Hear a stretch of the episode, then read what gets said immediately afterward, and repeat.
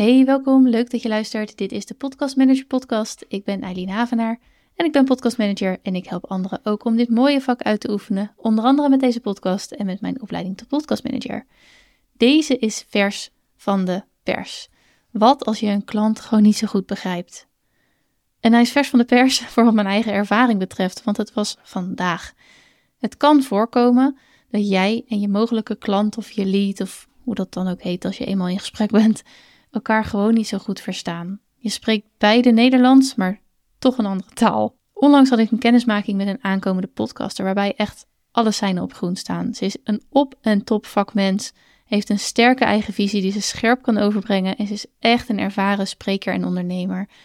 Echt zo iemand waarbij ik een soort starstruckness voel, dat je echt zo tegen iemand opkijkt en ik zou ontzettend graag met haar werken. Dus ik, ijverig en netjes tijdens de kennismaking allerlei vragen stellen ter input voor het voorstel wat ik zou gaan maken, zoals ik ook leer in mijn opleiding. Welke vragen zijn belangrijk? Wat wil je weten als podcastmanager voor je met iemand gaat werken? Alright, ik dus dat voorstel gemaakt en in het daaropvolgende gesprek, dat was dus vandaag, merkte ik dat ik ergens niet de vraag achter de vraag kon pakken. Dat lag niet aan haar uitleg, maar wel aan mijn ontvangst, aan mijn voelsprieten of zo. Heel concreet even. Kijk, zij liet mij eerder weten dat ze ook echt ondersteuning wilde op het promotievlak, dus de promotie van de podcast zelf. En nu heb ik inmiddels iemand in mijn team die de rol van social media manager nu op zich neemt. Heel fijn en ook heel nieuw. Maar goed, dus in dit stadium dacht ik, nou, in principe moet dat dus goed komen. Toen ik het voorstel aan het maken was, heb ik ook wat onderzoek verder gedaan naar haar. Maar toen las ik dus enkele van haar eigen posts op LinkedIn en die waren zo goed geschreven, zo impactvol. Dat kunnen wij niet zomaar nadoen. Dus dat heb ik in het voorstel meegegeven. Althans, ik heb dus gezegd: plaatsing social media kan nog voor een extra fee, want ik vind jouw eigen schrijven zo impactvol. Wellicht is het, maakt het dus meer impact als je dat zelf doet en als je dat zelf zou willen. Nou ja, nu kan ik mezelf natuurlijk voor mijn kop slaan en zeggen van, maar dat vroeg ze toch niet? Ze vroeg heel duidelijk om ondersteuning ook voor dat stuk. Maar ik moet eerlijk zeggen, daar sta ik nog steeds achter. Die impact is voor mij, maar ik weet ook voor haar, belangrijk. En dit is wat, waarvan ik dacht dat het het meeste impact maakt.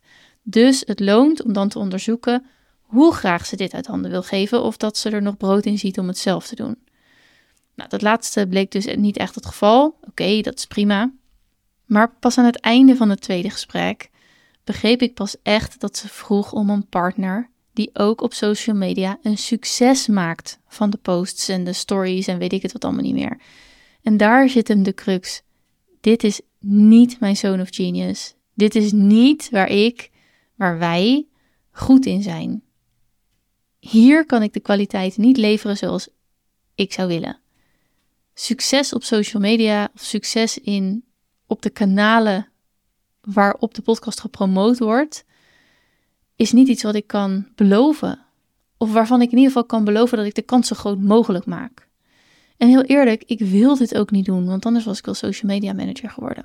Dat heeft dus bijna twee uur geduurd in totaal, hè, twee gesprekken. Simpelweg omdat ik niet verstond wat ze zei. En dat kan gebeuren.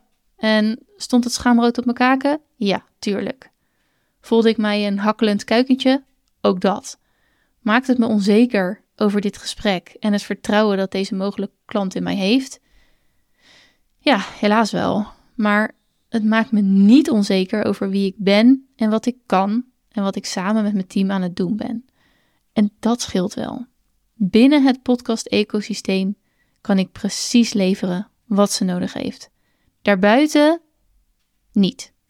Ik moet er wel bij zeggen, overigens waren het echt wel twee fijne gesprekken. En ik heb haar ook bedankt voor haar duidelijkheid, want anders had ik het nog niet begrepen. Oké, wat ik nu ga doen is één in gesprek met een gespecialiseerde social media manager die misschien dus wel de resultaten kan behalen die de klant graag wil zien. En twee, bedenken wat ik hier eigenlijk van vind. Want wil ik dit wel? En hoe gaat dan het contact lopen? Zijn zowel ik als podcastmanager en de social media manager in de lead naar de klant of gaat alles via mij? En hoe zit het dan met het voorstel? En hoe zit het dan met de prijzen? En misschien ook nog wel veel belangrijker, ik moet er echt over nadenken van hoe zorg ik ervoor, of ik wil erover nadenken, dat ik dit ook tussen aanhalingstekens kan horen in het kennismakingsgesprek. In elke stap van je podcastmanagers leven kom je weer nieuwe uitdagingen tegen. Wat ik ervan heb geleerd nu ik ruim twee jaar fulltime bezig ben en de ontwikkeling die door heb gemaakt, die ik door heb gemaakt, is dat elke stap gebeurt er weer iets. Ineens gebeuren er een paar toffe dingen, krijg je er ineens een paar klanten bij.